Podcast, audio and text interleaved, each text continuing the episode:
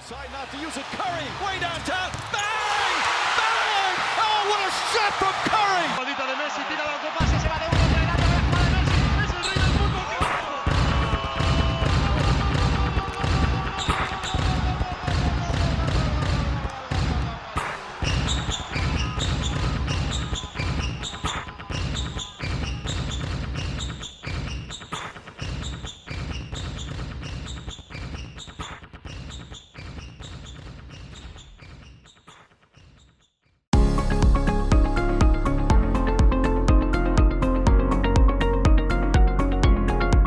Benvinguts a la poca substància. Com veureu, avui no tenim l'entradilla habitual perquè la persona que se n'encarregui de fer-ho va absolutament borratxa i no ha tingut temps de dedicar-se a... bueno, a aquesta labor. Jo crec que ja s'ha de començar a remarcar una cosa, que és que és el segon dia que li passa això, a una persona que diu que, que té la vida molt ben encaminada, però no sé pas si això demostra aquest fet. Molt bon vespre a tothom, oients i oyentes. Inici raríssim perquè el Jordi no ha tingut el valor de preparar-se l'entradeta que fa mitja hora abans, perquè mitja hora abans, pues, estàvem un dinar. Bon dia, internautes, com esteu? Estem encantats d'estar aquí una vegada més a la poca substància. Esperem que mm, aquests dies que hem estat sense gravar eh, no se us hagi fet molt pesat a les 17 persones fidels tant a Twitter com a Spotify com a iVox i jo m'agradaria almenys obtindre el benefici de, del dubte no? en quant a que jo vaig doncs bé, una mica alterat per, per l'alcohol voldria desmentir-ho, estic perfectament així que comencem eh, a gravar Mm, Bones Jagger, aquí estàs no? una vegada més després de l'ausència de, de l'últim podcast, com estàs? Estic molt bé, estic molt bé. Eh, abans de tot, per justificar el que ha dit ell, és que has dit bon dia, i són les 9 de la nit. Bueno, cosetes. Aviam. En català sempre direm bon dia, eh? fins que sigui l'hora d'anar a dormir. I això... I, i per això ja vaig, i per això ja vaig borratxíssim, no? Per sí que esta, és per, per esta falta. Lo que sí que és veritat. Jordi, lo que sí que és veritat és que has fet servir paraules molt llargues perquè se nota que tens molt bona dicció, perquè realment se te dona molt bé dissimular. Molt bé se et dona. I, i ara mateix m'està venint una, una bafarada d'aler alcohol, tio. Algun tipus de licor de senyor gran. Com el típic borratxo que arriba a les 6 del matí a un bar i es fica a esmorzar amb els altres i fot aquella, aquella flaire que dius, hòstia puta, què ha passat aquí? Bueno, després d'una laboriosa jornada de treball avui dissabte al matí, doncs no negaré que, que he anat a, a disfrutar d'un bon apetit a, a la capital de, del Segrià. Doncs bé, comencem el podcast d'avui. què has dinat, Jordi? I més important, quants sol i sombra t'has fet de postre? No, no, no, no, la veritat és que només ens hem fotut com a molt tres xupitets de limoncello i un d'orujo. Abans de començar amb el podcast, li volia preguntar al Jagger que com va anar la depilació del cul, perquè, bueno, ens va arribar de fons bastant fidedignes que que vas estar una bona estona traient-te totes aquelles telaranyes i lianes que tenies per allí. No tenim una edat perquè... Tarzanitos. No tenim una edat perquè ens faci molta gràcia ja parlar de culs. És que de veritat, eh?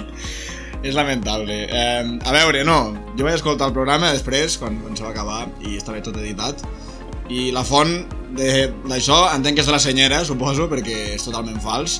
No negaré que em depilo, però, o sigui, a veure, quan vas dir que m'estava depilant el cul, quina part del cul creus que m'estava depilant? Si és per fora, no tinc problema a dir que sí que el porto depilat.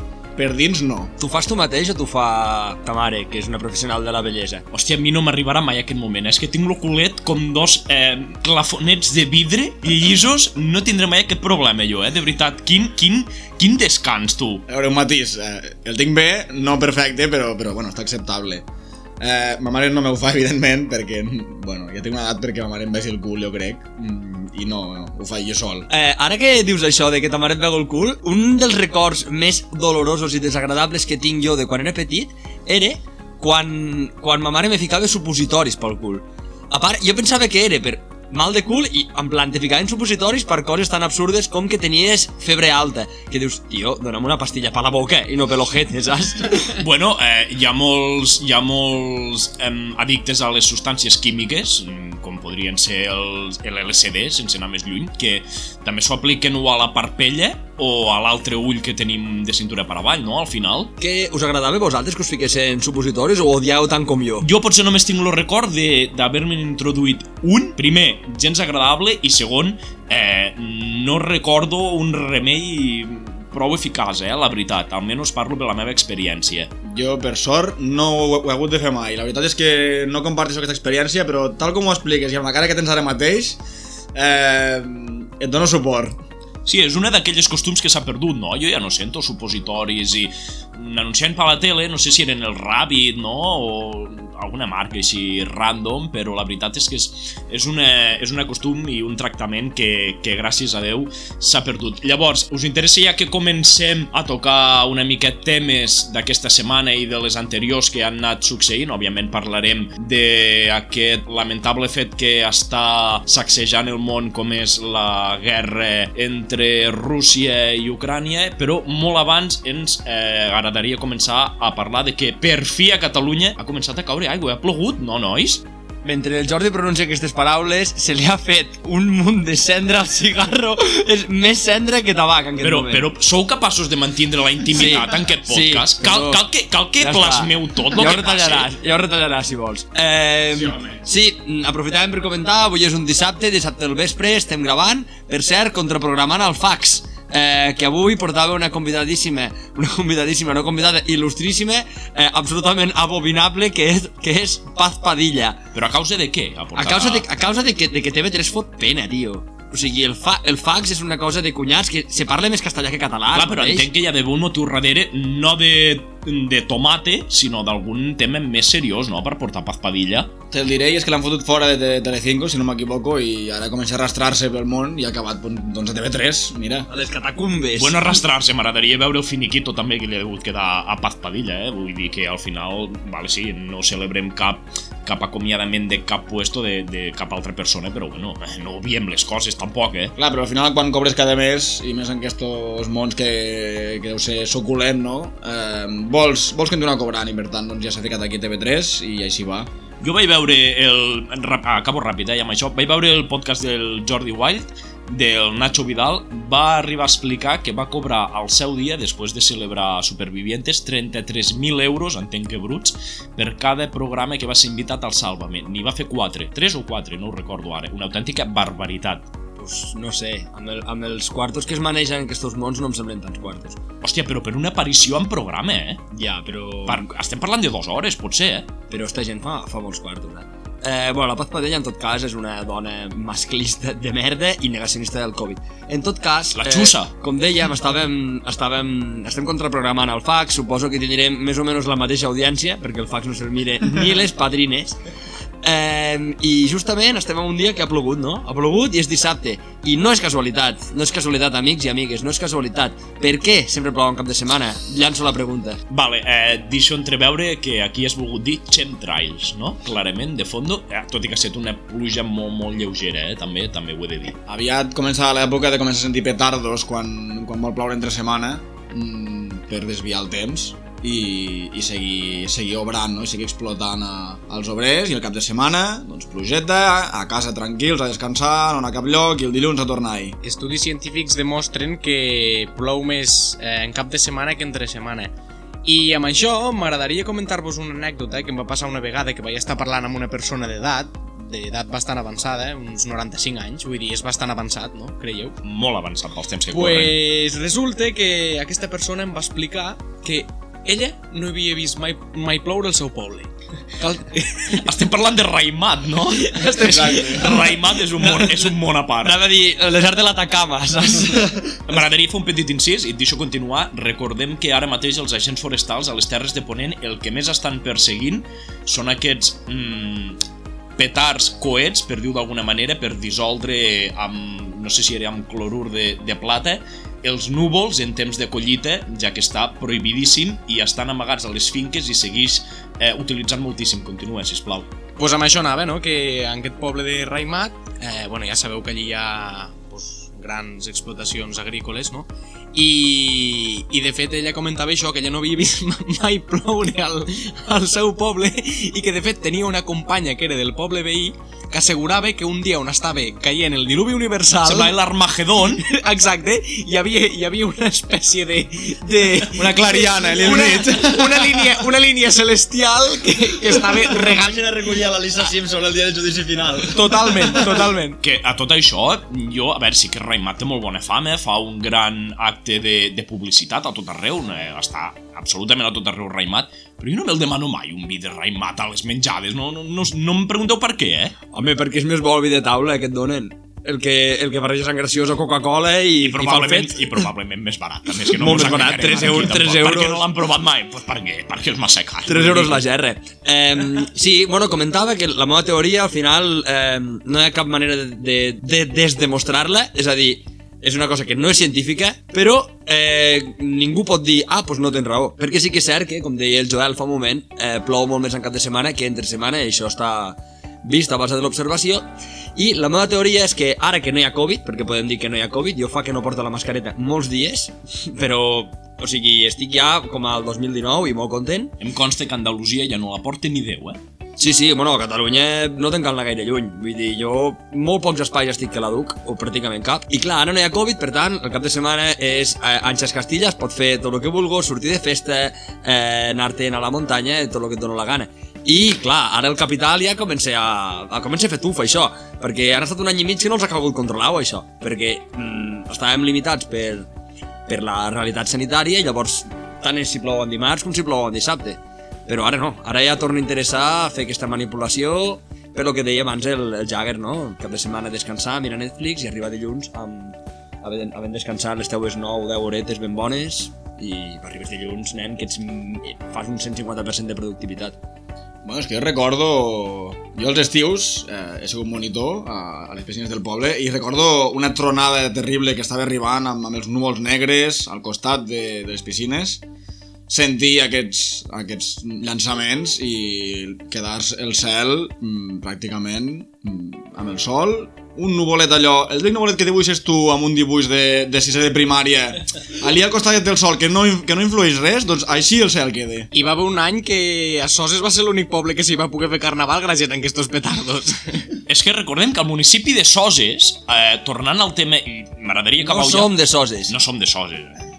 Eh. Menos mal. Eh, a Soses m'agradaria recalcar que és on els agents forestals que comentàvem abans és on van més de cul perquè es veu que hi ha 4 o 5 finques eh, bastant rellevants on hi ha la fama i la certesa de que hi han instal·lats aquests, mm, aquesta mena de projectils de, de dissoldre els núvols. Llavors, m'agradaria fins aquí, us sembla bé el tema de la pluja? Sí, anava, anava a comentar una mica, a, a, a ondar amb això que deies de Joel, de que a Soses va ser l'únic any on l'únic poble on es va celebrar Carnaval, que es veu que va ser un, un pagesot de Soses amb el seu fatxaleco de fatxa, camisa de quadros... fa- Fatxaleco de fatxa, fatxaleco de pagès, I camisa xaleco, de quadros xaleco de la Jonder. xaleco de la Jonder o de- o d'alguna empresa de, de lloguer de maquinària agrícola, no cal dir quina, Tecnoma. um, i que es veu que estava començant a tapar molt, molt, molt el cel, va fer baixar tots els sants del cel, va llançar el cigarro a terra, va agafar la furgoneta o la pick-up de pagès i quan va tornar, allà ja...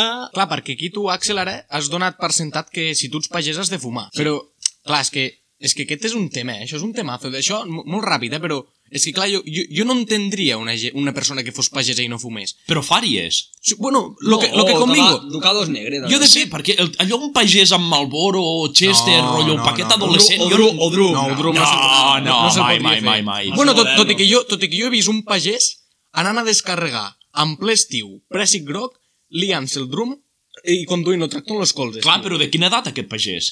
Home, ja tenia, ja tenia certa edat, eh? Sí, sí, era una persona... Hòstia, jo no he vist mai a cap persona de 50 per amunt consumir drum, tio. A lo que... Ja que saben lo que és. És que igual se'l ficarien a la genive, tio. Com que són, sí. com que són, són tan d'antanyo, tio, igual encara es fan compte que, és- que és tabaco de mascar, saps? Hòstia, allò davant, sí, sí. Pues això que us deia, jo, jo he vist pagesos que, que s'encenen el cigarro amb l'anterior. És a dir, mentre, mentre el cigarro anterior s'està acabant de Hòstia. consumir, s'encenen el nou. Perquè al final jo crec que la vida és l'espai que hi ha, no?, entre, entre cigarro i cigarro. Això diuen, eh, que sí? Com diu Fumar Oficial a Twitter, la vida és tot allò que passa entre, entre que me'n fumo un i me'n fumo un altre. Però sí que és veritat que quan estàs al tros ve molt de gust fumar, eh? Sí. Mamà, tu sí que supiste aprovechar el Chester a 3.50, eh, descansa en paz, no? Arro arroba Fumar Oficial, seguiu a Twitter, eh, no fallen. Molt bé, doncs acabat aquest punt, ja sabeu que a mi m'agrada preguntar-vos coses eh, random que em sorgixen, així perquè sí. Avui m'agradaria fer-vos una pregunta que sé que no us l'heu pogut preparar, però crec que la podreu eh, almenys defensar el vostre argument, i és quina és la vostra pel·lícula preferida. Fa una setmana o dos me va passar amb el Jagger que el Jagger me va revelar que la seva... Bueno, una de les seves... Perdó, una de les seves pel·lícules preferides era El pianista. Però ell ho va revelar com la meva pel·lícula preferida és una que es diu El pianista. Com si fos allò una pel·lícula de cine iraní del fondo d'aquella estanteria oblidada al videoclub que no ha vist ningú. Sand Sundance. Sí. Llavors, eh, m'agradaria començar amb tu mateix, Axel, que ens diguessis, crec que això ho hem de tindre clar, quina és la teva pel·lícula preferida? Dos colgados muy fumados. No, Harold and Kumar go to White Castle. m'ho estàs dient en sèrio? No, no, no t'ho dic en sèrio. Una mica, que una mica de serietat. No ho sé, Jordi. M'has agafat... allò, saps que, agafat- m'a- allò saps que m'agrada molt també esta temàtica de, de risa absurda, però M'has agafat algo, que, algo que, que t'estremeixi per dins. M'has agafat els pixats al ventre, tio. Ara no sé què he dit. De veritat que no... Pots que dir no Scary Movie. idea. No, no diré Scary Movie. Eh, crec que li passo la pilota al Joel mentre m'ho penso. Jo eh, no us sabria dir si és totalment la meva preferida, perquè és molt, tot molt ràpid, no? com deia l'Àxel, però una de les meves preferides tinc clar que és Inception, Leonardo DiCaprio és... Sí, jo l'he vist, pues, però a mi se'm fa massa rebuscada, eh, per això. Jo em quedo amb, de Leonardo DiCaprio em quedo amb Shutter Island. Però sí, és molt bona pel·lícula. Molt bona, Origen, també, és molt bona la que acabes de dir. també és molt bona pel·lícula. I tu, Jagger? Bueno, ja l'has dit, la veritat. Eh, parlant del DiCaprio, ha fet molt bones pel·lícules. Diamante de Sangre també és bona pel·lícula, en la que apareix ell, I tant. Però em quedaria amb el pianista, la veritat, ja ho has dit. Pianista, una pel·lícula absolutament boníssima i, bueno, podem dir de culte, no?, també, en quant a, a la temàtica nazi i de l'Holocaust. A mi la meva pel·lícula preferida, mm, ho he defensat sempre, tot i que ara últimament n'he vist moltes i, i també m'han agradat molt, la meva és Cadena Perpètua, em sembla, a mi em sembla una obra d'art eh, perfectament lligada i, no sé, és una obra d'art, és la pel·lícula preferida també del teu germà Axel, Efectivament. i només ens coneix, només, perdó, només ens falta saber quina vindria a ser una de les teves preferides, Axel. Bueno, com que així pel·lícula individual no me n'està venint cap, m'agrada molt Shutter Island, però ja m'ho heu tombat, eh, diré la més gran saga de totes les sagues que es fan i es desfan, que és El Senyor dels Anells. Hòstia, pensava que anaves a dir Harry Potter, eh? Perquè us, No, agrada, perquè us mi- agrada molt, eh? És- M'agrada molt, m'agrada molt, m'agrada molt Harry Potter, m'agrada molt Senyor dels Anells i m'agrada molt Star Wars. Eh, Harry Potter és la tercera per mi d'aquestes tres sagues i entre El Senyor dels Anells i Star Wars la veritat és que tinc dies de tot perquè, hòstia, Star Wars està molt guapo però El Senyor dels Anells està, no sé, eh, més condensat, només són tres pel·lis eh, les del Hobbit no les conto, la veritat me vaig a dormir amb la primera del Hobbit. Jo aquest però- dia, aquest dia, perdona que talla, vaig mirar Seven amb ma mare. molt bona, també. Pel·lícula espectacular de Brad Pitt als seus inicis i de Morgan Freeman també. I ma mare no li va agradar perquè no acaba bé. Acaba fatal, acaba com el Rosari de l'Aurora acaba com el Rosari de l'Aurora, lo Kevin Spacey ho fot tot eh, patas arriba, però és una puta obra d'art i jo sóc defensor de que no totes les pel·lícules tenen que acabar bé sí o sí. No em sembla bé. No, no quan- em sembla bé. quan... És, és com infantilitzar el teu públic. Fer que la pel·lícula acaba bé quan és una cosa molt xunga, doncs és infantilitzar el públic. Llavors, eh, moltes vegades les més grans pel·lícules de, de totes, el pianista tampoc no acaba bé, per exemple. És que totes les pel·lícules que heu dit, bueno, eh, la cadena perpètua acaba prou bé. Acaba perfecte. Acaba perfecte, acaba com ha bueno, d'acabar, no? acaba que el pobre Morgan ell complís la condena i el... I el i Ja, i clar, tot el tema aquest de que està, de que està institucionalitzat, que diuen, no? Que no és capaç de viure fora de la presó, igual que el vell aquell que s'acaba penjant, no? Brooks, és, sí. Eh, hòstia, te fa pensar molt, te fa pensar molt en el que és les, les cadenes, o sigui, les penes tan llargues de presó i tot això. I la que us he dit jo, de fet, és que es quedem stand-by, que això penso que també és una cosa guai quan passen a les pel·lícules. Si us recordeu l'escena aquella que tenen com l'amulet aquell que està girant, que no se sap si es tomba o no es tomba, volguem dir que no saben si estan en la realitat o no, és, és interessant quan les pel·lis acaben així també. A mi el problema és que sempre aquestes pel·lícules d'una sobredimensió de, de realitats paral·leles sempre m'han costat, eh? No dic que, que siguin dolentes, eh? Vull dir, entenc perfectament que la gent la cautiva moltíssim, però clar, això és, és qüestió de gustos. A mi no, no m'ha acabat d'atrapar mai. És igual que quan ve Quarto Milenio jo m'ha agradat, o sigui, ho trobo interessant, depèn del dia, però sempre, sempre perdó, que toquen tema cosmos, doncs a mi mm, em desenganxa. I és interessantíssim, al final, el, el, o sigui, el, el tema del cosmos ho trobo molt fascinant, però a mi no, no m'enganxa. Mos estem apropant preocupantment al tema de l'horòscop, eh? Sisplau, desviem No, no, tranquils. No, no desviem, no Tranquils. desviem, ja mos va bé, no, ja mos no, va bé no us això. preocupeu, tranquils. Jo lligat amb aquesta espontaneïtat que el Jordi ha mostrat en aquesta pregunta, eh, us voldria preguntar que, quina és per vosaltres la millor sèrie de la història? Perfecte, m'alegre molt que m'ho preguntos i jo, per mi ara mateix, la millor sèrie clar, és que n'he con consumit últimament unes quantes i jo eh, fico ara aquí damunt de la taula també és a gustos colors, no? però per mi Juego de Tronos eh, la veritat és que per mi està un esglaó pel damunt de totes les altres que he vist, eh? També, evidentment, el pressupost que disposa és brutal i ajuda moltíssim, però no s'ha d'obviar que, és, que és un tros de sèrie. Per mi és Breaking Bad. Mm, no sé com ho veieu vosaltres. Jo anava a dir, o aquesta, Breaking Bad, perquè el Juego de Tronos l'última temporada és un cagarro, i quan tens aquest pressupost i, i tot aquest hype creat, no pots fotre que tant pastre. Després d'haver-ho fet tan bé durant sis temporades, Totalment. i la setena ho has fet mm, bé, me cago en Déu, vas a la vuitena i fots aquell nyap. Eh, Breaking Bad o Prison Break. Perfecte. És l'altra que jo també estava dubtant, tot i que posaria una mica per sobre Breaking Bad. Per l'actuació del, del protagonista, bàsicament. Me llamo Earl. Oh, Sobre infravaloradíssima. correcte. Des d'aquí volem eh, fer un crit a la memòria de Me llamo Earl, sèrie infravalorada i que és... De és, és...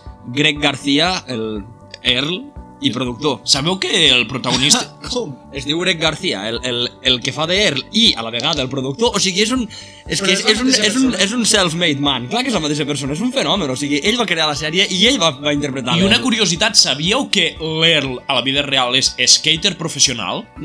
Ostres. Bé, perfecte. Eh, sabeu que la fan ara mateix a la Neox, no?, aquests dies. Ja me l'amo ell, sí. Ha tornat. No ho diria mai que una persona com l'Earl és skater professional, tio. Bueno, jo si li fiques eh, alguna camiseta de tallatge gran, dona bastant el pèl, Camisa eh, de, camisa de quadros, Sí, de bigot, bigot postirònic, Sí, perquè ja sí, no es porta, ja No, no, ja no Randy- són Freddie Randy Mercury. no, lo Randy no, el Randy no. no, el Randy fa de nazi, eh, American History X. El Randy és un gran actor, la veritat, eh? I quina, pe I quina pel·lícula, perdona que talla, American History X, eh? Jo també molt, molt bona i tu l'hauries de mirar, Joel, perquè em consta que no l'has vist encara, eh?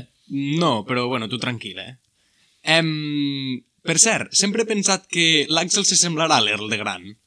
Tinc la És sensació que se Ara que ho dius, eh, pot ser que sigui la veritat. És impossible, si jo sóc pel roig. Molt pel roig, de fet. Però, Bueno, però la manera, si la poses manera. aquest look una mica amb el pèl més, més suelto i et deixes aquest bigoti frondós, bo, mm, algo trobaríem de, de semblança. Ara que s'atança el carnaval del poble, eh, una idea de carrossa eh, del, de l'habitació de motel i la gent disfressada de Earl, Randy, Joey, Caterina... eh, Hombre Cangrejo, fent blackface... No, hòstia, però jo no veig a l'Axel acabant amb un prototip de dona, amb tots els respectes, com és la Joy, que jo és, no és, com acaba com el Rosari de l'Aurora, allò que hi ha relació. Redneck a tope. Doncs bé, fins aquí avui el tema cinèfil. Veieu que dominem tots els aspectes. Podem parlar de qualsevol tema, després acertarem o no. Podríem fer una entrega de premis, en plan els Oscars, millor fotografia, millors efectes especials, amb les coses que mos agraden a nosaltres només. Doncs m'apunto, m'apunto per algun dia, perquè també trobo bastant greu que no hagi sortit aquí Ben Stiller, eh? Un, un actor que ens fa riure moltíssim, almenys tu i, tu, perdó, tu i jo, eh, Maxel. Doncs bé, eh, m'ho sembla ja que entrem ara de manera sèria ja cap al conflicte de Rússia i Ucrània. Sí, però ara, ara per què parlem com si fóssim de Balaguer, Jordi? Com parlen els de Balaguer? O posa aquest jo. Hòstia, i per això m'heu de fer parar? La resposta és perquè encara va borratxo. Però que borratxo, si estic, estic prou, estic prou... Has de dinar en aquell posto del polígono de Balaguer, se t'ha enganxat. No, no, no, he anat, És molt bo, tio, m'ha sortit el joc de cartes. he anat al Segar de Sant Pere, no, no aniré fins a Balaguer per dinar. Eh, doncs bé, mm, m'agradaria ara adoptar una mica de serietat i entrar ja al tema aquest que està, com hem dit al principi de, del podcast, sacsejant, sacsejant el món sencer del conflicte de, de Rússia amb Ucrània. Mm, sé que hi haurà molts punts de vista, eh, perquè és un tema molt, molt, molt complex, a part de tot el que ens ensenyen a, o el que ens volen ensenyar al, a les telenotícies. Um, qui vol començar a exposar el seu punt de vista? Tu mateix, Joel, si et sembla bé. Bé, eh, ja en vam parlar algun dia, no?, al principi, quan fèiem les nostres possibles projeccions sobre el tema. Eh, la cosa s'ha ficat sèria. I això que recordàvem, jo almenys mm, recordo haver-ho dit i el Jagger també, de que això només anava de veure qui la tenia més grossa, de que sí, de que... Camions voltant per camins, pata, patarrim, patarram, i, i ha fotut un pet lamentable. Sí, sí, sí, totalment. I de fet amb això ja vam fer el seu... Al seu moment ja vam contextualitzar una mica aquí al podcast, llavors no m'allargaré en tot això, però la cosa ja sabem que ve de lluny, que és... Bueno, ja ho vam comentar, que era bastant complicat posicionar-se, però està clar que des d'aquí tot el suport al, al poble ucran ucranià, perquè al final, hòstia, és, és molt greu el que està passant, vull dir, les imatges que es veuen són totalment devastadores i jo, ojalà, ojalà se solucioni tot bastant ràpid, però no sé, no sé, pinten bastos una mica, o sigui, a veure, tampoc crec que sigui una, una situació sostenible amb el temps, perquè la cosa està, està complicada, però, però no sé, la cosa, la cosa se n'ha anat una mica de mare, eh? No sé com ho veieu, però si voleu comentar alguna cosa més concreta... La part que em fa més por a mi, potser segurament, és que ahir el Joe Biden va fer unes declaracions eh, dient que ells no es ficarien, ni cap membre de la OTAN es ficaria en aquesta guerra de moment de forma directa, però que si Rússia gosa eh, entrar en algun territori de la OTAN o tocar algú de la OTAN, llavors mm, estaríem parlant d'una tercera guerra mundial i això és, eh, equival a catàstrofe. És que, de fet, de fet amb això, jo, jo no sé, eh, llanço ara aquí una possible hipòtesi, però és que jo crec que la, la, la única solució viable que veig al conflicte és que al final, d'alguna manera, pues, mm, Ucrània, bueno, Rússia acabi annexionant a Ucrània i d'alguna manera hi hagi com, bueno, estigui com governat pues, des d'allà, de, des o sigui, no veig res, vull dir, no, no sé si pot tenir alguna altra solució factible, això. Clar, però estem partint de la base de que és una solució eh, partint de la base de la submissió i això és molt greu. És molt greu quan estem parlant d'un país eh, amb una identitat pròpia. Jo entenc, eh, que entenc fins a, cert, fins a certa mesura que Rússia eh, pugui estar molesta, però òbviament se li ha anat totalment l'olla, no només al Putin, entenc que a tot el mm, gabinet de govern que l'envolta eh, ja està pactat tant amb la Unió Europea i la OTAN de que no guanyarien ni un centímetre cap a l'est, és a dir, cap a, cap a les terres russes i la OTAN, la veritat és que durant... No vull que aquest discurs sembla que estic a favor de Rússia, o sigui, eh, odi a Rússia tot el que està fent, me sembla un... Bueno, me sembla de lo pitjor, eh, ojalà els hi passi lo pitjor del món perquè han traspassat la línia roja una vegada tu bombardeges un, un país veí, però sí que crec que Rússia tenia motius fins abans d'atacar per estar molesta, perquè estava pactat de no pogués expandir cap a, cap a Rússia, com deia ara, i la veritat és que l'OTAN s'ho ha anat passant al llarg d'aquests anys una mica pel forro. Ara m'expandixo cap aquí, ara mm, tento amb aquest caramelet amb un altre país, ara el torno a annexionar fins que s'han plantat a, a Ucrània. I després una cosa que crec que ha passat és que l'OTAN ha subestimat que després de la perestroika, òbviament, eh, mm, tota la federació russa va quedar, i els països pròxims, no?, van quedar molt tocats eh, econòmicament, però s'ha subestimat moltíssim el poder militar de Rússia, que per mi, juntament amb el de Xina, és dels més poderosos del món,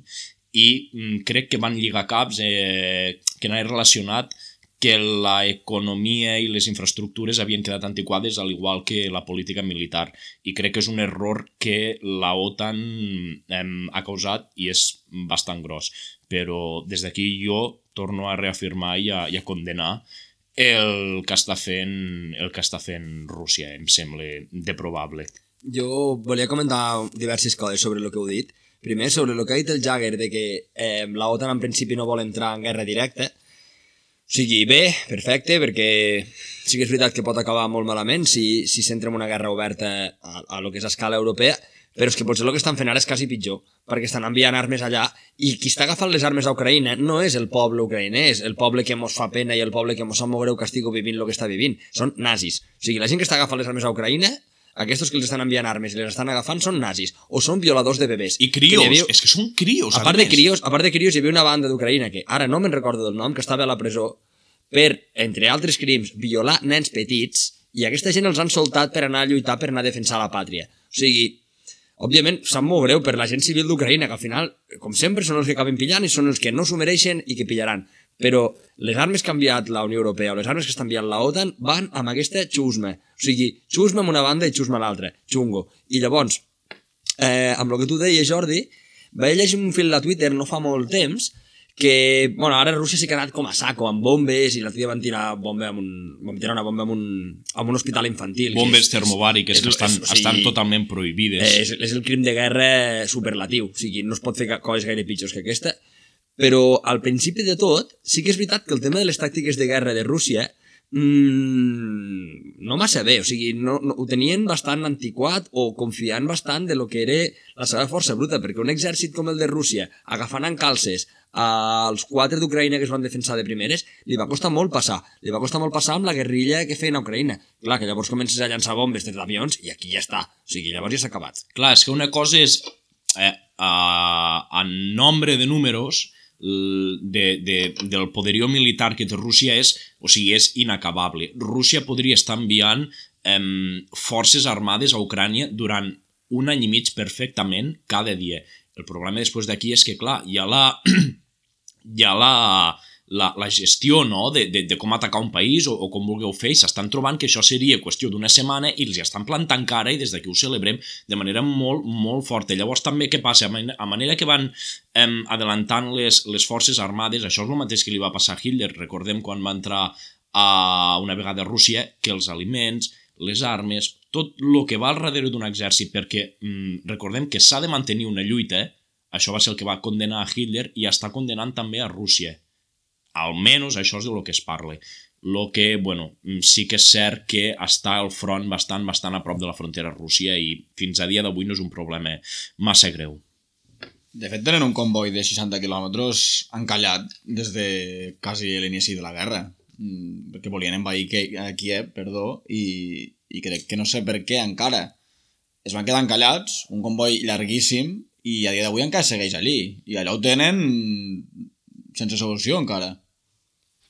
Jo, do- donant, do- dotant una mica de realitat a tot aquest tema, també comentar que amb el que deia l'Àxel em sembla que el grup aquest que deies es deia Comando Tornado i, i era això, eren gent que feien aquestes violacions que tu digues i ho gravaven amb el mòbil i ho difonien.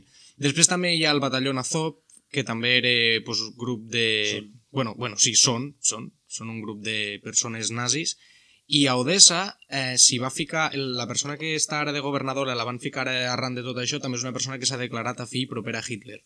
Llavors, bueno, eh, no sé, jo crec que en general cal, cal dotar tot una mica de context, o sigui, Ucraïna és un país que porta ja temps amb tot això, hi va haver un tiroteig eh, civil, com ja vam comentar en un podcast, quan va haver-hi el cop d'estat, i en general aquesta guerra ja porta moltes víctimes d'abans i que són víctimes eh, bueno, que esta, han estat assassinades per persones eh, pues, nazis, sí, sí. Clar, és que mm, com que la temàtica que hem adoptat és a, a partir dels telenotícies i els mitjans de comunicació i tot de que Rússia dolenta, Ucrània la damnificada, sí, ja estem d'acord.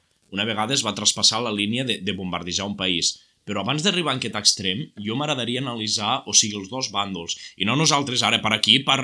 Mm, és que sembla que estiguem donant una miqueta de raó a Rússia. No, no estem donant una miqueta de raó a Rússia. Estem explicant per què poden estar molestos i després reconeixem que tot el que fan és absolutament desmesurat i lamentable, però sí que m'agradaria que hi hagués potser una mica més de condena cap a Ucrània de lo que no venen fent bé aquests últims anys als mitjans de comunicació, i això és que no s'ha vist per cap lloc, o sigui, una mica de, de, de rigor, si plau. Bueno, més que mm, fotre merda sobre Ucraïna, perquè al final és un país democràtic, dintre del que, encara que hi hagi aquestes coses al passat, no?, de l'Euromaidan, eh, hi, ha, hi ha tot aquest tema que són més població civil, que són nazis, tot i que hi ha governants, i el Zelensky no és cap això és veritat.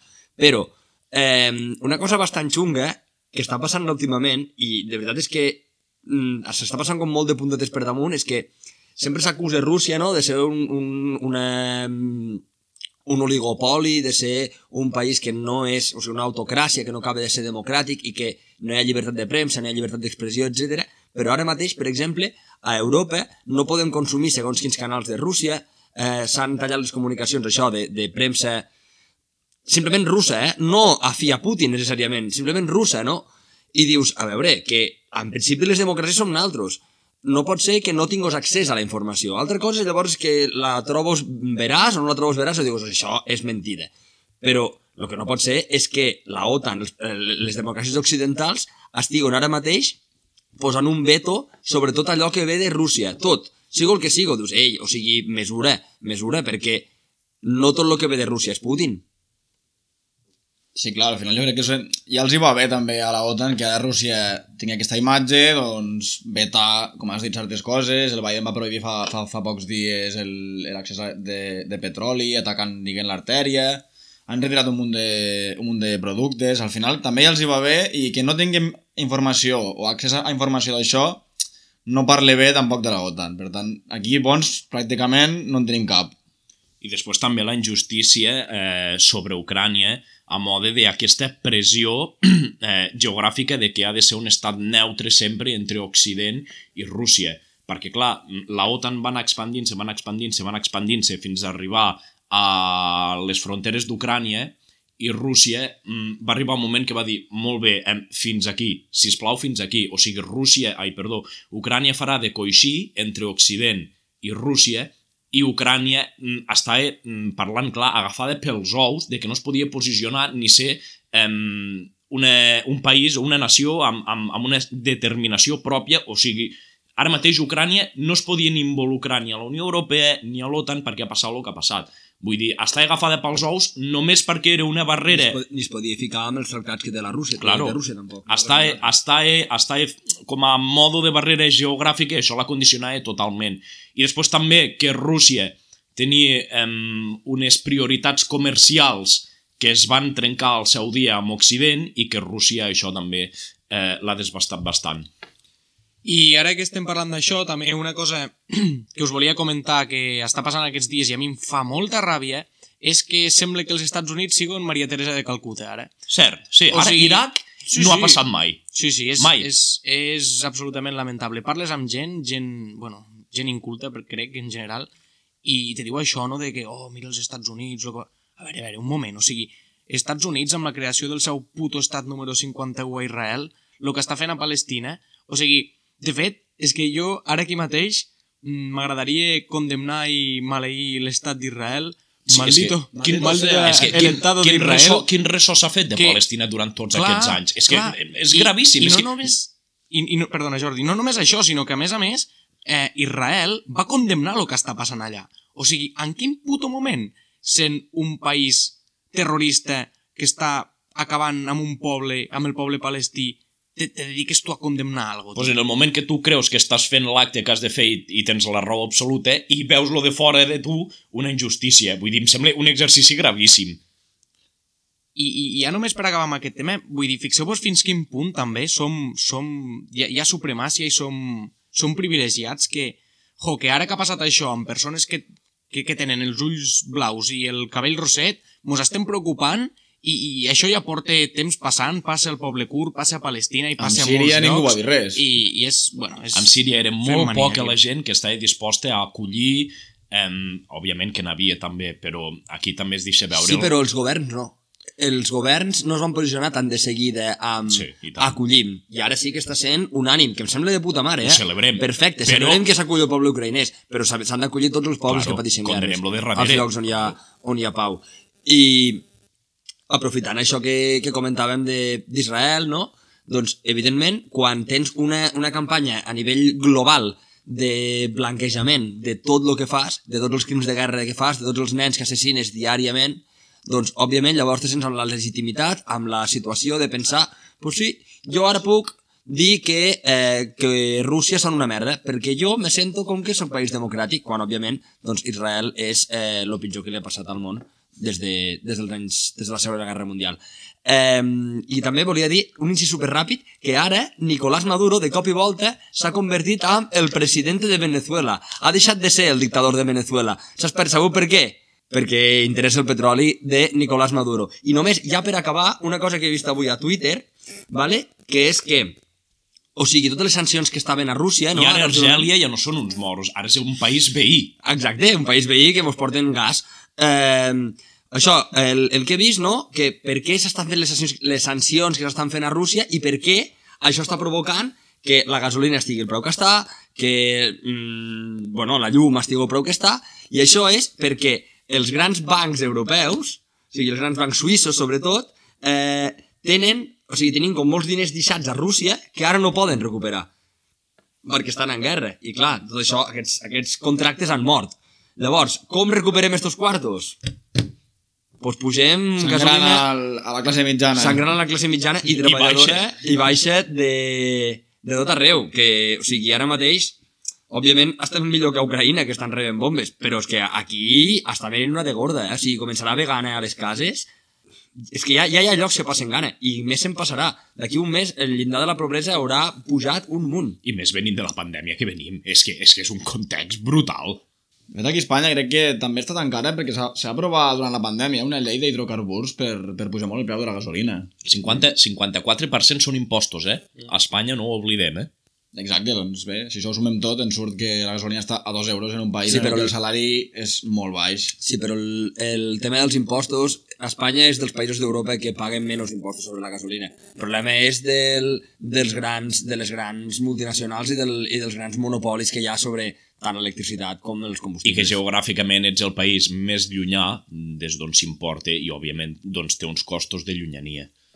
I que sí, que ara ha pujat molt, ara ha pujat de forma exponencial i no només eh, està passant això, està passant també amb el gra, amb l'oli, ja ho sabeu, però en el cas del gasoil, jo no sé vosaltres, però jo que reposto pues, un parell de vegades al mes o por ahí, els últims 4 mesos, cada vegada que he anat a repostar, la xifra era diferent. Vull Però és dir, que a què estem esperant clar. a ficar gasol roig?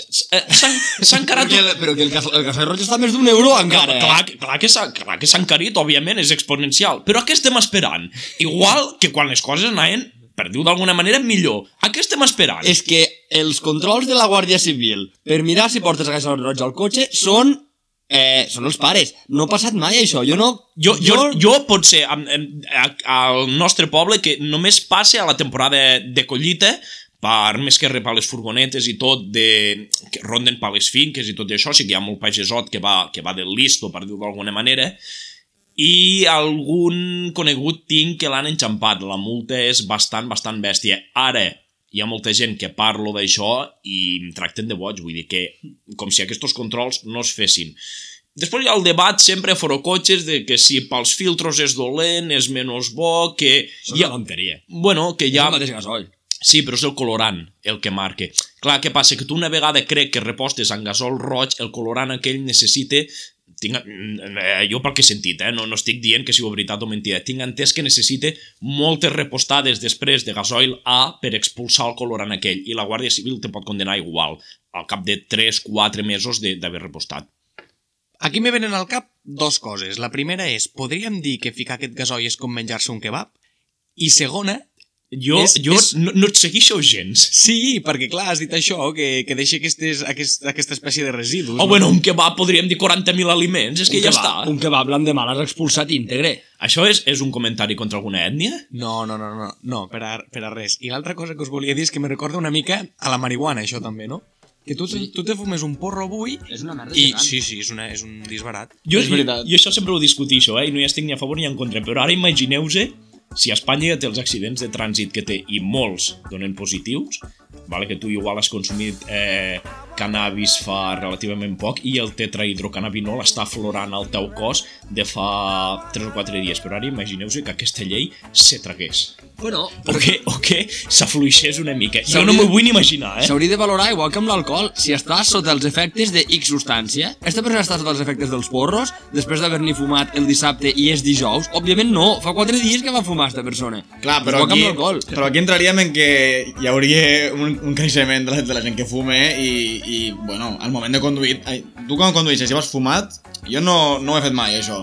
Jo puc parlar des de he vist, l'experiència, he, vist si gent, he vist gent que va fumada conduint i això no pot ser.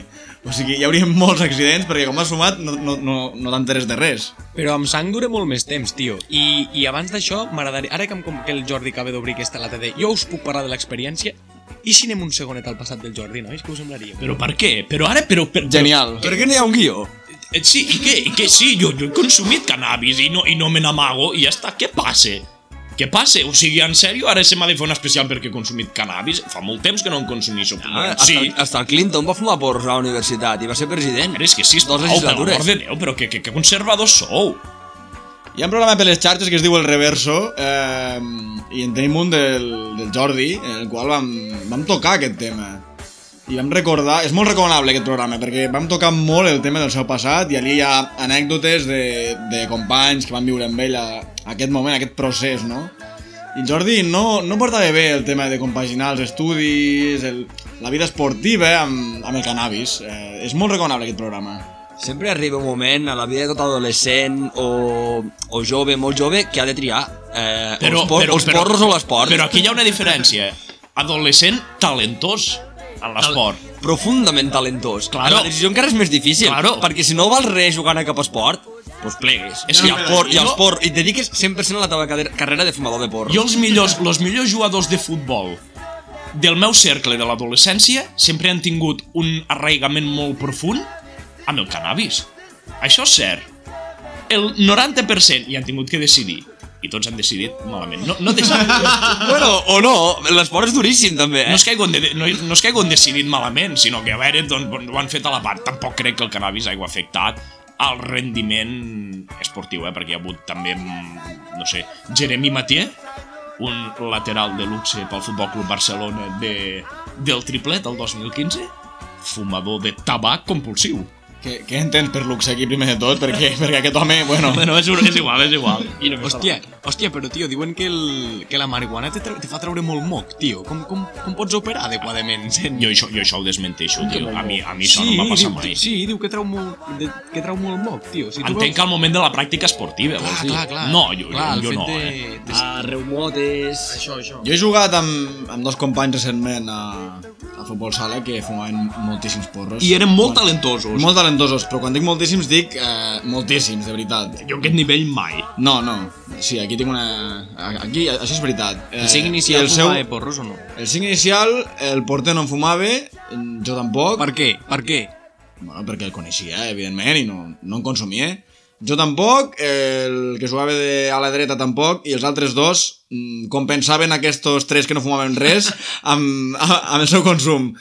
I la veritat és que no se'ls no se'ls veia molt afectats al, al moment de jugar, mm, perquè jugaven molt bé. Inclús un va confessar que jugava millor fumat que no fumat, cosa que crec que és molt greu. I la veritat és que ni, ni reumes, ni, ni tos, absolutament. És que se- semblaven esportistes d'èlit en aquell moment. Do- 2% de grassa corporal, eh? Sí, un inclús mm, podem parlar que igual ni té grasa corporal. Doncs bé, eh, fins aquí us sembla que tallem aquest enraonament. Crec que avui ha estat molt profund i molt seriós, m'ha agradat bastant, la veritat. Us sembla ja que entrem cap a la NBA i fem pinzellades ràpides del que està succeint a l'altre costat del xarco? Sí, som-hi! Mais que nata. Black peas came to make it hotter. We beat the fire starter. Bubbling up just like lava, heated like a sauna. Penetrating through your body armor. Rhythmically we massage ya. With hip hop mixed up with samba, with samba. So yes, yes, y'all. You know we never stop. Bueno, doncs, com ja va passar l'últim programa, que va intentar parlar una miqueta de, de trades i, i de seguida me vau, me vau ventilar super ràpid perquè no mireu gens de bàsquet. És que és molt, és molt, és molt empalagós, tio. No mireu NBA i no mireu ni els resums. Jo tampoc no miro partits perquè són molt pesats. Miro només resums, però és que vosaltres no mireu ni resums. És que a mi m'ha enganxat l'Eurolliga enguany, m'ha cautivat, tio. No, no, no ho sé, me sento... Euroliga mm, sempre abans que NBA. 100%, eh, tio, sisplau, a veure. 100%, de veritat. A NBA, tu veus un triple, o sigui, una persona podria sentar-se a terra, aixecar-se i tirar de 3 i no haver rebut eh, cap mena de, de pressió defensiva. A mi una de les coses que més greu em sap, al tema del bàsquet, recordeu tots quan feien l'Eurolliga a l'Esport 3, no? El Jordi Rovirosa, tota aquesta gent. Jo sempre ho canviava. Ho canviava, ho obviava, allò tot que s'estava omi- omit- s'estava emitint per a obert, dic, i ara me n'arrepenteixo. Clar, com que estem tan absorbits pel Barça de futbol, Bueno, això em va passar a mi també amb el ciclisme. Fins que ara sóc un aficionat a Serri. amb el ciclisme, amb el ciclisme ho entenem. Avui ho he vist, avui he vist l'etapa de la Tirreno Adriàtico en, en, en diferit abans de vindre aquí. Que vam dir que Perquè no podies parlar de vist en ciclisme. directe. Què Eh, com està Pogacar? Com està Pogacar? Que no. Com està Pogacar i com està Roglic? Fins aquí el Les moment. bèsties eslovenes. Fins aquí el Sisplau, moment. tallem, Fins eh, aquí- Eh, baixem el micro, sisplau, eh, ho té vetat, això. Tornant a, tornant a l'NBA, doncs eh, no està passant molt, com va dir el Jordi fa uns quants programes, o l'últim programa va dir que l'NBA, una vegada s'acaba Nadal, haurien de parar fins als playoffs. No és ben bé així, perquè si no, no estaríem gaudint dels Boston Celtics, que estem gaudint ara, que estan al nivell, diríem que el Cel dels Celtics de Larry Bird. Igual, O igual. de, o de no, l'Ubuntu de Doc amor de Rivers. No, És que Axel, Axel. feu 100 victòries seguides i ja us, veniu, ja us veieu amb la... Els Celtics estan al, a la cinquena posició de la conferència est, venint d'un rècord no massa bo, d'un inici de temporada bastant dolent, i ara porten en els últims, no sé, m'ho invento, potser dels últims 20 partits han guanyat 15 o 17. Està sent una barbaritat, millor defensa de la NBA, estan jugant molt bé i estan començant a convertir-se en seriosos candidats. I van cinquens. Però, Axel, això t'està fent mal, jo crec. Cada any estàs igual. És que cada any- cada any veus te crees expectatives, Que, que cada any. una bona ratxa, ja, ja ens arriba... Oh, a- aquest és l'any, aquest és... És que l'anell tornarà a casa És i que el llavors... Tatum, lo Tatum... Arribem a playoffs. sí, jo, jo no m'agrada... Portem, portem, portem 5 anys amb, amb, amb el Tatum i sabem que a l'hora de la... Segur que li fot pudor la boca, tio, el Molt, Tatum. eh? Molt, eh? Però és que sabem que el Tatum a l'hora de la veritat, si no està bé en un partit, el Tatum és igual que dient que Tomàs Hertel te pot guanyar un partit i te'l pot fer perdre. I això és molt perillós una vegada entres a playoff. Sí, sí, va tot a ratxes, però jo només per fer la pinzellada volia dir que els Celtics estan a un molt bon nivell i d'altra banda, i això és lo important, els Lakers no! Els Lakers segueixen fent pena. Van perdre contra els Rockets l'altre dia, que són el pitjor equip de la lliga. Així que, mm, sense més dilació, com ho veieu? Jo ce- celebro molt fort, la veritat, que els Lakers fotin angúnia. Mm, em sembla genial. I, i l'altre tema que volia comentar era la, el retorn de... Bueno, el partit que va vendre Filadèlfia i Brooklyn, eh, crec que va ser fa dos nits, en el que Ben Simmons va tornar a casa, James Harden s'ha enfrontat al seu exequip i Brooklyn va guanyar, si no m'equivoco, 100 a 129, deixant bastant en ridícul James Harden. Aquí dona, potser podem donar la raó a que Harden era bastant més problema que, que altres jugadors dins d'aquell vestidor. Bueno, crec que és una mica avantatgista això que dius, perquè s'ha de dir que Bé. des de que, des de que Harden ha arribat als Sixers, crec que és l'únic partit que han perdut. Però o sigui, Brooklyn- venien amb, anant amb molt bona ratxa i Harden i Embiid amb molt pesar i amb molt dolor al meu cor s'estan entenent bé. M'agradaria que fessin pena, però la veritat és que s'estan entenent bé i sí que aquest partit el van perdre, però Filadèlfia fa por, eh? Però al final jo crec que no és més que, que Harden no aporti a Brooklyn, sinó és el que, lo que ha, ha degut generar el que no hi sigui, diguéssim, dins del vestidor. Aquí jo crec que Brooklyn ha sortit guanyant, perquè al final Ben Simmons segurament no té cap problema al vestidor de, de Brooklyn, i els altres deuen estar més còmodes. Al final, l'ambient d'un vestidor, al final, el que te fa guanyar mm, o perdre és el bon ambient, el, el estar bé amb el teu equip, estar to- tots a una, i allò, allò no podia ser, perquè és que jo també, el que deies tu l'altre dia, Jordi, de, de que et vas quedar en espineta de veure els tres, el, el Big 3 a ple rendiment, és veritat, però clar, és que estan sonats dos, dos dels tres, llavors és molt difícil que, que puguin estar molt temps seguits jugant junts. Sí, eh, jo sempre em quedaré amb aquesta espineta clavada, no? Eh, Kyrie Irving és un món a part, eh, tots ho sabem, antivacuner reconegut, no hi ha res a fer, però James Harden sí que van pecar una mica d'innocents, ho comentàvem moltes vegades amb el Jagger, quan... Bueno, nosaltres estàvem enamorats de James Harden, d'aquell James Harden eh, MVP que va estar dos anys a prop d'eliminar els Warriors de, de, de Durant, de Curry, de, de Clay Thompson.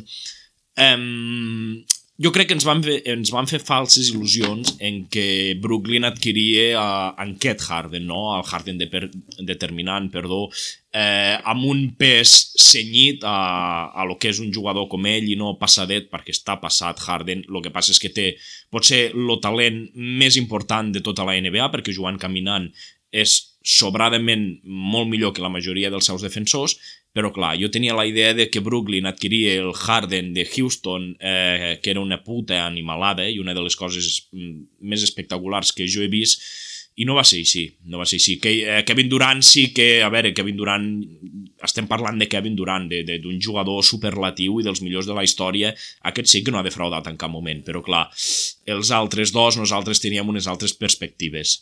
Només dues coses. La primera és que en l'ordre dels Warriors estàs equivocat. Eh, primer Curry, després Durant. Sempre estem igual, I, però- I es diu Clay Johnson i no Clay Thompson. Aquí t'hem de corregir. A veure, tio, documenta't. Sabia que quan has agafat el micro faries, faries aquest incís, ho sabia. Parlant de, bueno, parlant d'això de la NBA, que abans hem dit que, que parlaríem una mica de qui veu cadascú com a equip favorit a guanyar l'anell aquest any. I jo, ja, ja que has començat eh, parlant dels Warriors, el seguiria donant com a candidats si Draymond Green es recupera. Si no es recupera, no tenen res a fer perquè la seva, el seu sistema defensiu es basa en Draymond Green i l'energia que aporta a nivell tàctic... És que són tantes coses que ara mateix els Warriors estan mm, bastant malament, si no m'equivoco. A Bueno, però són- ratxa de... Són com lo Madrid a, a la Champions, se, Sí, dosi, és- se és dosifiquen per és temporada regular, és temporada Sí, regular. És però- experiència, Però fa, fa dos mesos que ja no estan com havien d'estar i just va coincidir que Draymond Green va tornar, mm, sí, ai, va marxar, perdó, sí que va tornar Clay, Tom, eh, Clay Johnson, però mm, no és el mateix. O sigui, a, a nivell ofensiu tenen molt talent, però a nivell defensiu es fan moltes costures i no és l'equip que eren fa dos mesos. I jo crec que si Draymond Green no es recupera no, no farem res. Doncs bé, ara presentarem aquí quins són els nostres equips candidats i abans d'acabar la secció de la NBA us faré una pregunteta que lo que sigo més àgil i la respongui bé guanyarà aquesta cerveseta que tinc a la mà, d'acord? Doncs bé, Axel, si plau, ens pots dir quin és el teu candidat ràpidament? Evidentment, Boston Celtics. Voleu que explica per què? No, t'excedixes molt, tio. Defensa, sobretot. I perquè ets molt de Boston, que bàsicament és el criteri més fort que hi ha. Joel? Com que ja s'ha dit els Warriors, diré Phoenix, els sols de Phoenix. Bé, jo ja ho he dit, si es recupera Draymond Green, dono candidat a Golden State. Doncs bé, jo per no tornar a dir Golden State, eh, crec que diré Filadèlfia. Filadèlfia crec que, bueno, pot donar la sorpresa. Per acabar, la pregunta, ràpidament, penseu molt ràpid. Quin és l'únic equip de la NBA que al seu nom, tal com el coneixem, no porta incluït el nom de la ciutat? Golden State Warriors. Perfecte. Obre, era molt fàcil, això. Doncs los altres encara estan pensant, eh, obre la boca que tiro la cervesa, Som-hi. cuidao la premolar, ah, allí la tens, perfecte, ben agafada. Doncs bé, eh, fins aquí el tema de la NBA, volem entrar ràpid a l'Eurolliga, us sembla bé que fem sonar les campanes de Devotion?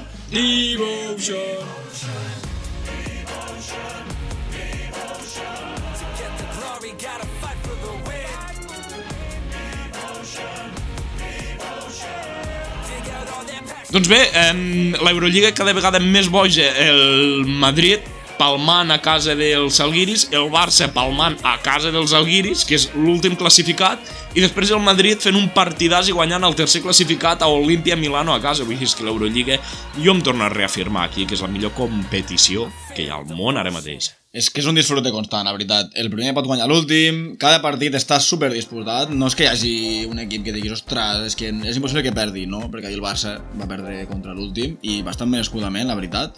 I bé, doncs és, és, és el que ens agrada, no?, de l'Eurolliga, això. I aviat ja tocaran els playoffs, una mica, i anirem allí a veure el De- partit, no? de el, fet, el ara- Game One, segurament. Ara d'aquí poc anem contra el Fenerbahce ja. D'aquí poc hi anem, i al Game One o Game 2 segurament també allí estarem donant-ho tot. Jo només voldria recalcar aquí que, la, que el Jagger acaba de dir Game 2, vale? Llavors, eh, no sé si heu sentit els Eh, rumors... jo només volia afegir una cosa sobre l'Eurolliga, que és que eh, han exclòs els equips russos de la competició de manera, jo considero que no, no massa justa, perquè al final 3 a playoff, eh? tres estaven a playoff i això farà que entro el Maccabi de Tel Aviv, que és un equip que tampoc no hauria d'estar jugant per aquesta regla de 3 perquè el seu país també comet crims de guerra. I com a curiositat, eh, si les informacions són certes, eh, Shengelia, que jugava al, al Chesca, eh, s'ha desvinculat perquè no volia formar part de l'equip de, bueno, de, de Moscou i ara ha firmat per un equip, no recordo quin, durant 4 mesos, amb el típic contracte Un bon. de, un de Itàlia. Sí, pot ser. La I es Kinder pa- de Bolònia. I es parle, i es Crec parle... que sí, eh? El Jordi va molt borratxo. Es parle que eh, té un contracte per l'any que ve ja amb el Barça, Xanguelia. Per tant, dins de tot aquest caos que ha passat, aquí ha estat ràpid el Barça. Potser no és gaire ètic això que ha fet, però com que aquest jugador ja estava totalment desvinculat, ho ha aprofitat molt bé i és pràcticament dels 3 millors 5 que hi ha ara mateix, Xanguelia, a l'Euroliga. És un win-win, al final. Sabeu qui també té un contracte, diuen, signadet pel davall de la taula a terres madrilenyes, no? Shane Larkin, pot ser? Oleguer preses. sí, sí. Serà presentat al Bernabéu o l'hagué preses? No, eh, Shane Larkin, segons els rumors de Marc, ho tindria fet amb, amb el Real Madrid per la propera temporada. Això que comentàveu ara de Schengelia, jo el que em va passar l'altre dia era que estava anant cap a l'autovia i a l'alçada de, si de si damunt segur que hi ha aquell ninot així gros. Eh, no saps si passar l'autovia o no. exacte, que està allí dubtant. Pues vaig veure un tio molt gros i li dic, hòstia, on vas? Diu, vaig a lloc, que m'han fitxat. I em penso que era ell. Saps que ho vam parlar l'altre Sí, dia? és veritat. Mm, és que aquest equip italià crec que no és italià i és, i és català i és Sí, Belloc, la veritat. Sí, sí. Home, però és que Belloc amb les tres incorporacions que vam dir al podcast passat, és que clar, los oients que ens escolteu I de ara nou... Schengelia, la pintura... Per això, per això. Els oients que ens escolteu de nou, aquest, post, aquest podcast és com un llibre d'aventures. Tu pots triar, La penya dels tigres. claro, tu has de triar cap a on vols anar i, i ho descobriràs tot al final.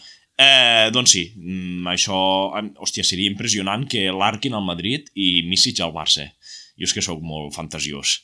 mm, bé, jo crec que lo de Misic no passarà perquè és un jugador que ha estat cridat per la NBA, si no m'equivoco. Se va quedar aquest any perquè el contracte que li van oferir era bastant suculent. Larkin pot ser que sí que acabi el Madrid, això sí que és veritat, i jo crec que si el Barça fitxa el Xengelia no necessita cap jugador exterior, perquè el problema que tenia principalment crec que era la pintura amb els 5 el Barça. Tot lo de més ho té molt ben compensat, no com el Madrid, que té ara mateix crec que de bases al Williams Goss i a un Ertel que no està fent res, i aquí sí que li anava més bé. I Pablo Lasso durament qüestionat, eh, ja. Vull dir, que Pablo Lasso em, porta molts anys. Lo millor que li pot passar a Pablo Lasso és que li donen el finiquito que se'n pugui anar a jubilar tranquil·lament sense alteracions al seu, al seu ritme cardíac i que pugui estar tranquil i Va sortir un article eh, bastant dur comparant Pablo Lasso amb Popovic, eh, dient que, sisplau, respecte per Pablo Lasso perquè a Popovic mai se l'ha qüestionat i és, un, és, una, és una llegenda de la NBA i dient, sisplau, Pablo Lasso és com Popovic. I, a veure, no ens tornem bojos tampoc. Popovic, eh, notícia, notícia perquè ahir va convertir-se en l'entrenador de la NBA amb més victòries Cert. Eh, Popovic, un, un senyor d'avançadíssima edat, que recordem es va quedar vidu fa uns anys i ara viu i respira només basquetbol i viu completament pel bàsquet i hi ha un vídeo molt interessant que està a Instagram, a la pàgina de NBA, en el qual de Jaume Murray, el- l'estrella del San Antonio Spurs, allà al vestidor fa una mica un discurset dient que Popovic és un crack, no sé què, eh, mereixes aquest reconeixement, tal, molt, tot, tot molt agradable, i llavors quan es foten a cridar tots, pues, lo típic, volen ampolles, A la dutxa. foten el, foten el Popovic tot xop, que sí que també agafa un mal arrofredat, Sí. és que es quedarà al puesto, se quedarà al puesto, que vagin amb cuidado. Li treuen la sonda directe, li estiren, tot ple de sang i tot per allí voltant. Clar, és que, sí, sí, igual que portava Això és una, cos, és una costum que tenim molt aquí a Europa de quan un, quan un equip no funciona, ràpidament se talla l'entrenador. I a veure, Pablo Lasso jo crec que poc més pot fer amb, amb la plantilla que, fe, que, Però, que té. però tonteries no en cal dir tampoc, i òbviament Popovic No. és una llegenda i Pablo Lasso és un entrenador d'Europa que, bueno, pues que bé, però, però que la, o sigui, l'alçada de Popovic és el millor entrenador de la història i ara ho diuen els números també ja tot i la seva avançadíssima edat. Per cert, just després de que el foten tot banyat eh, allà dins el vestidor, els hi diu que l'endemà a primera hora, o sigui, s'aixuga ràpid i diu, demà a primera hora, enterrament de tiros i no sé si diu mm, 400.000 barpis cadascú o així, fot un broncot. Doncs bé, us sembla que acabem fer una pinzellada del que ha passat aquestes dues setmanes al futbol, que també hi ha, hi ha teca? Sí, si voleu ser ràpid, eh, crec que aviat toca paron de seleccions i, i això, sisplau, condemnem-ho ja d'una vegada. Que aquests parons per fer amistosos de seleccions entremig de la temporada és, és gravíssim. Si vosaltres fósseu jugadors professionals de futbol i us convoqués a Espanya, què faríeu? Jo no hi aniria, la veritat. És que al final està molt, molt sobrevalorat eh, guanyar un Mundial o guanyar una Eurocopa, perquè és que a, a nivell de reconeixement, eh, perquè són, que són 11 partits un Mundial, si no m'equivoco, si arribes a la final i el guanyes, i l'Eurocopa menys, o sigui, és un moment de forma superconcret cada 4 anys i no me sembla que hagi de necessitar un Mundial o una Eurocopa si el meu país tampoc hi va, perquè no hi pot anar. Jo és que estic aquí fent els comentaris des de la llunyania extrema de ser un primo, de no veure les primes que inclou anar amb la selecció, que crec que ens faria eh, plantejar-nos moltes coses, és molt fàcil des de la nostra postura independentista ara aquí fer estos discursos. Mm, Jo m'hi voldria trobar, jo també òbviament diria que, que mai aniria a jugar per Espanya, però bueno, tinc entès que també ho devien dir molta, perdó, molta altra gent i al final van acabar llepant sense anar més lluny eh, Gerard Piqué, n'estic seguríssim.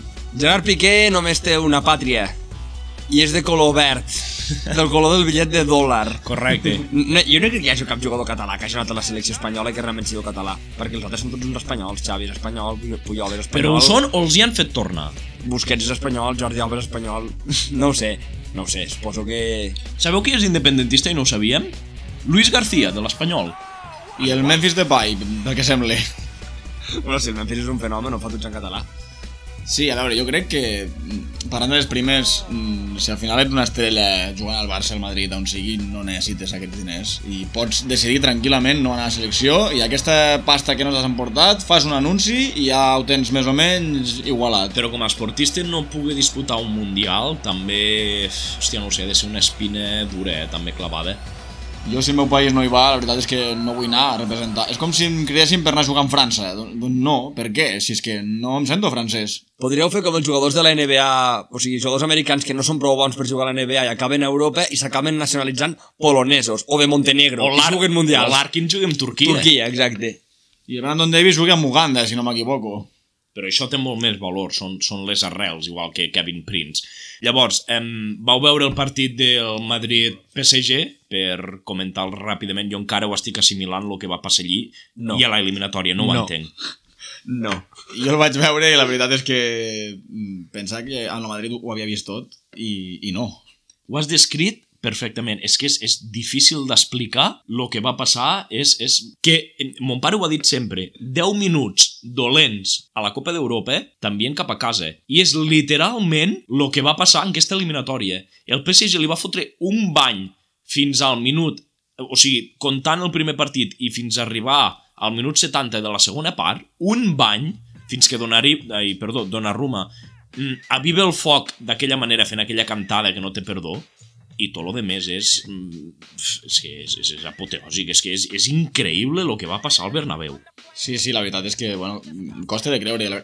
També té molt mèrit, eh, que aquest canvi de xip sigui tan ràpid i després, mm, junt que el PSG eh, se'n van, se'n van del partit i el Madrid aprete, eh, és que són tantes vegades que inclús eh, es fa difícil eh, de, de seguir, tot i que jo penso que si es creuen amb un bon equip no, no guanyaran perquè no acostumaran a tenir aquestes desconnexions. Però déu nhi déu o sigui, no estava ni enfadat perquè vaig pensar ostres, el PSG tampoc és un equip que, que a mi m'agradi Mm, o sigui, sisplau, que l'haguessin eliminat. El meu desig era que passés contra el Madrid i llavors a la següent eliminatòria quedar eliminat. Espero que sigui al revés ara però que es compleixin les dues coses. és l'esdevenir de l'eliminatòria, el que no té cap tipus de lògica el que va passar. Doncs que al final és mental. Eh, si mentalment estàs molt bé, guanyes. Una cosa, què, què us sembla que jo, com a persona que soc, m'he declarat que no, no m'agrada el futbol, el futbol modern encara menys, i tampoc m'agrada Espanya, tinc, tinc que estar aquí aguantant que parleu del Madrid, tio? Però és que és un fet molt rellevant el que va passar. Oh, però, però és que Jordi, tu t'ha- gotejat una mica de babeta i tot, Sí, eh? tio. Jo crec que te l'has corregut a la punteta del... O sigui, en plan, la punteta enganxada als calçotets, eh? Com velcro. Una mica de líquid preseminal, tio, però és que, hòstia, tio, No, senzillament que Si és... ets espanyol, dis-ho. Si ets espanyol, dis-ho, No, Jordi. no sóc espanyol, però és molt curiós això que portem eh, lamentant los culers de fa molts anys de oh, la sort, la sort, la sort. No pot ser que portem 10 anys de sort. Vull dir, el Madrid és un equip guanyador, ho ha set tota la vida, ho té a l'ADN, per molt caspós que sono això, i el Barça no. I el Barça ha necessitat tindre el millor equip de la, de la història del futbol per fer èxits, èxits molt ben fets i molt ben jugats, però és que el Madrid això no ho ha necessitat en cap moment. I el Madrid, recordem que ha rebut, ha estat a punt de rebre 0-5 al Bernabéu amb, una, amb un partit de, de Lliga del Barça i acabar aixecant una, una Champions amb, havent un canvi d'entrenador de pel mig amb Rafa Benítez, agafant-lo Zidane que no tenia cap experiència, això només ho pot fer el Madrid pesi a qui li pesi llavors, eh, ens volem despedir us sembla bé que avui ens hem allargat molt o sigui, avui hem menjat llengua, eh? Sí, no, i la veritat és que estem enraonant aquí que dona bo, eh? Home, los que veníem de dinar, que han begut uns xupetets d'orujo, veníem super enraonadors. Si poguéssim fer un percentatge de quan ha parlat cadascú, si fos allò un programa de eh, preeleccions, allò a, que cadascú disposa, jo ja faria rato que, que m'hauria exaurit. Doncs bé, el debat electoral, no volies dir? Correcte. Preeleccions. Doncs bé, jo em despedeixo i fins aquí ha estat un plaer. Fins aviat. Bon cap de setmana i puta Espanya. Vinga, penya. moltes gràcies, dissabte oients, una abraçada.